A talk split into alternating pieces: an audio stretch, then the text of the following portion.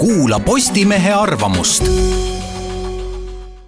Postimees kahekümne viiendal oktoobril kaks tuhat kaheksateist väikelapse isa Jan Jõgis-Laats käi jala oma titega lihtne ja loogiline, eks ole. mõtleks, et nii nagu me ühiskonnana oleme peaaegu et tervenenud haigusest nimega Pargin invakohale, jättes kõrvale mõned aeg-ajalt ikka tekkivad viiruspuhangud, ka neile muudele erimärgistusega kohtadele kiirema poeskäigu nimel lapsevabas autos ei pretendeerita. jah suhteliselt sagedase poeskäijana olen juba aastaid niinimetatud invakohast mööda minnes automaatselt visanud pilgu auto esiklaasile, kas seal ka parkimisõigust andev kaart on mitte mingi rahvamiilitsa või malevlasena, vaid pigem soovist leida kinnitust ülaltoodud subjektiivsele arvamusele, et see epideemia on suuresti läbitud. ja kui täheldangi arvatavat rikkujat kaardi puududes, ei kipu ma seda mõnes portaalis või linnaosapõhises märgatud seal Facebooki grupis jagama. Pigem lohutan end teadmisega, et ju see ikkagi on erand viimasel paaril kuul aga olen hakanud tähelepanelikumalt vaatama neid autosid, kes pargivad lastega poeskäijate kohtadel. ehkki ma reeglina ise neid vabu kohti ei kasutagi, sest suhteliselt elujõulise mehena suudan oma last ka pisut kaugemalt kaasa võtta, kuigi jah, uksi avada on enamasti kitsas. las jääb see emadele ja suurematele peredele, kellele see ennekõike mõeldud on ent pea iga poeskülastusega hakkab silma mõni auto, millest väljub või kuhu istub sisse üks-kaks täiskasvanud inimest ilma lapseta ja salongi kiigates pole näha turvatooligi. üldjuhul on need inimesed täiesti tavalised. on keskealised meesterahvad, noored naised, eestlased, venelased, on ülbed maasturid ja saksa luksautod, kes tunduvad muidu alati esimesena kogu liiklusjõmluses süüdi olevat, aga sama sagedasti on ka täiesti Harju keskmised viie-kuue aasta vanused Tšehhi-Jaapani rahvasõidukid. ühesõnaga, vahet pole, ongi pealtnäha kõige tavalisemad poeskäijad mis seal ikka võiks selle peale mõelda, las läheb see haigus ka ajapikku üle meil on suuremaidki muresid ses samas liikluses, rääkides kas või terve suve tähelepanu all püsinud olukorrast meie teedel.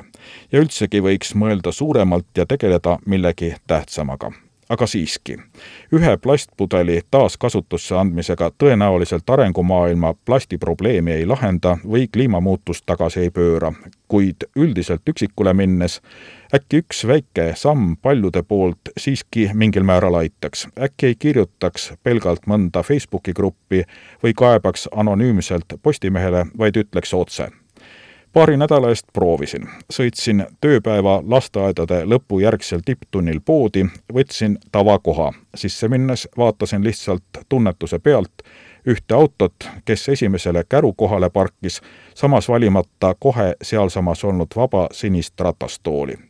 välja astus elujõus rõõmsalt jutustav noorpaar nii kahekümne viie, kolmekümne vahel panin endale parkimisõiguse andva poisi kärusse ja ootasin uksel, ehk liitub paariga mõningase hilinemisega vähemalt umbes kuuene laps, kes vaatas autos Youtube'i või muud sellist, asjatult. Travellaatoril pöördusin paari poole ja uurisin, kas laps jäi autosse. ei, mis laps? kui last pole või pole kaasas, miks siis käru kohale parkisite? no ja mis siis, veidi kohmetu naerusaatel no põhimõtteliselt näiteks mina oleks võinud sinna parkida teie asemel, õigemini mõni seda pisut rohkem vajav lapsevanem. see koht on ju neile mõeldud, teate isegi. no mis seal siis, kohmetu naerusaatel, ega parklas ju kohti on. nagu siis teile, eks ole, mõnevõrra kõrgendatud tooniga seal travellaatori tee ja ühtlasi ka meie vestlus lõppes. igatahes tööstuskaupadesse, mida iganes vajalikku nad otsima tulid, paar enam ei sammunud, vaid pööras otsa ringi. ehk parkisid autogi mujale, kuigi ma ei tea.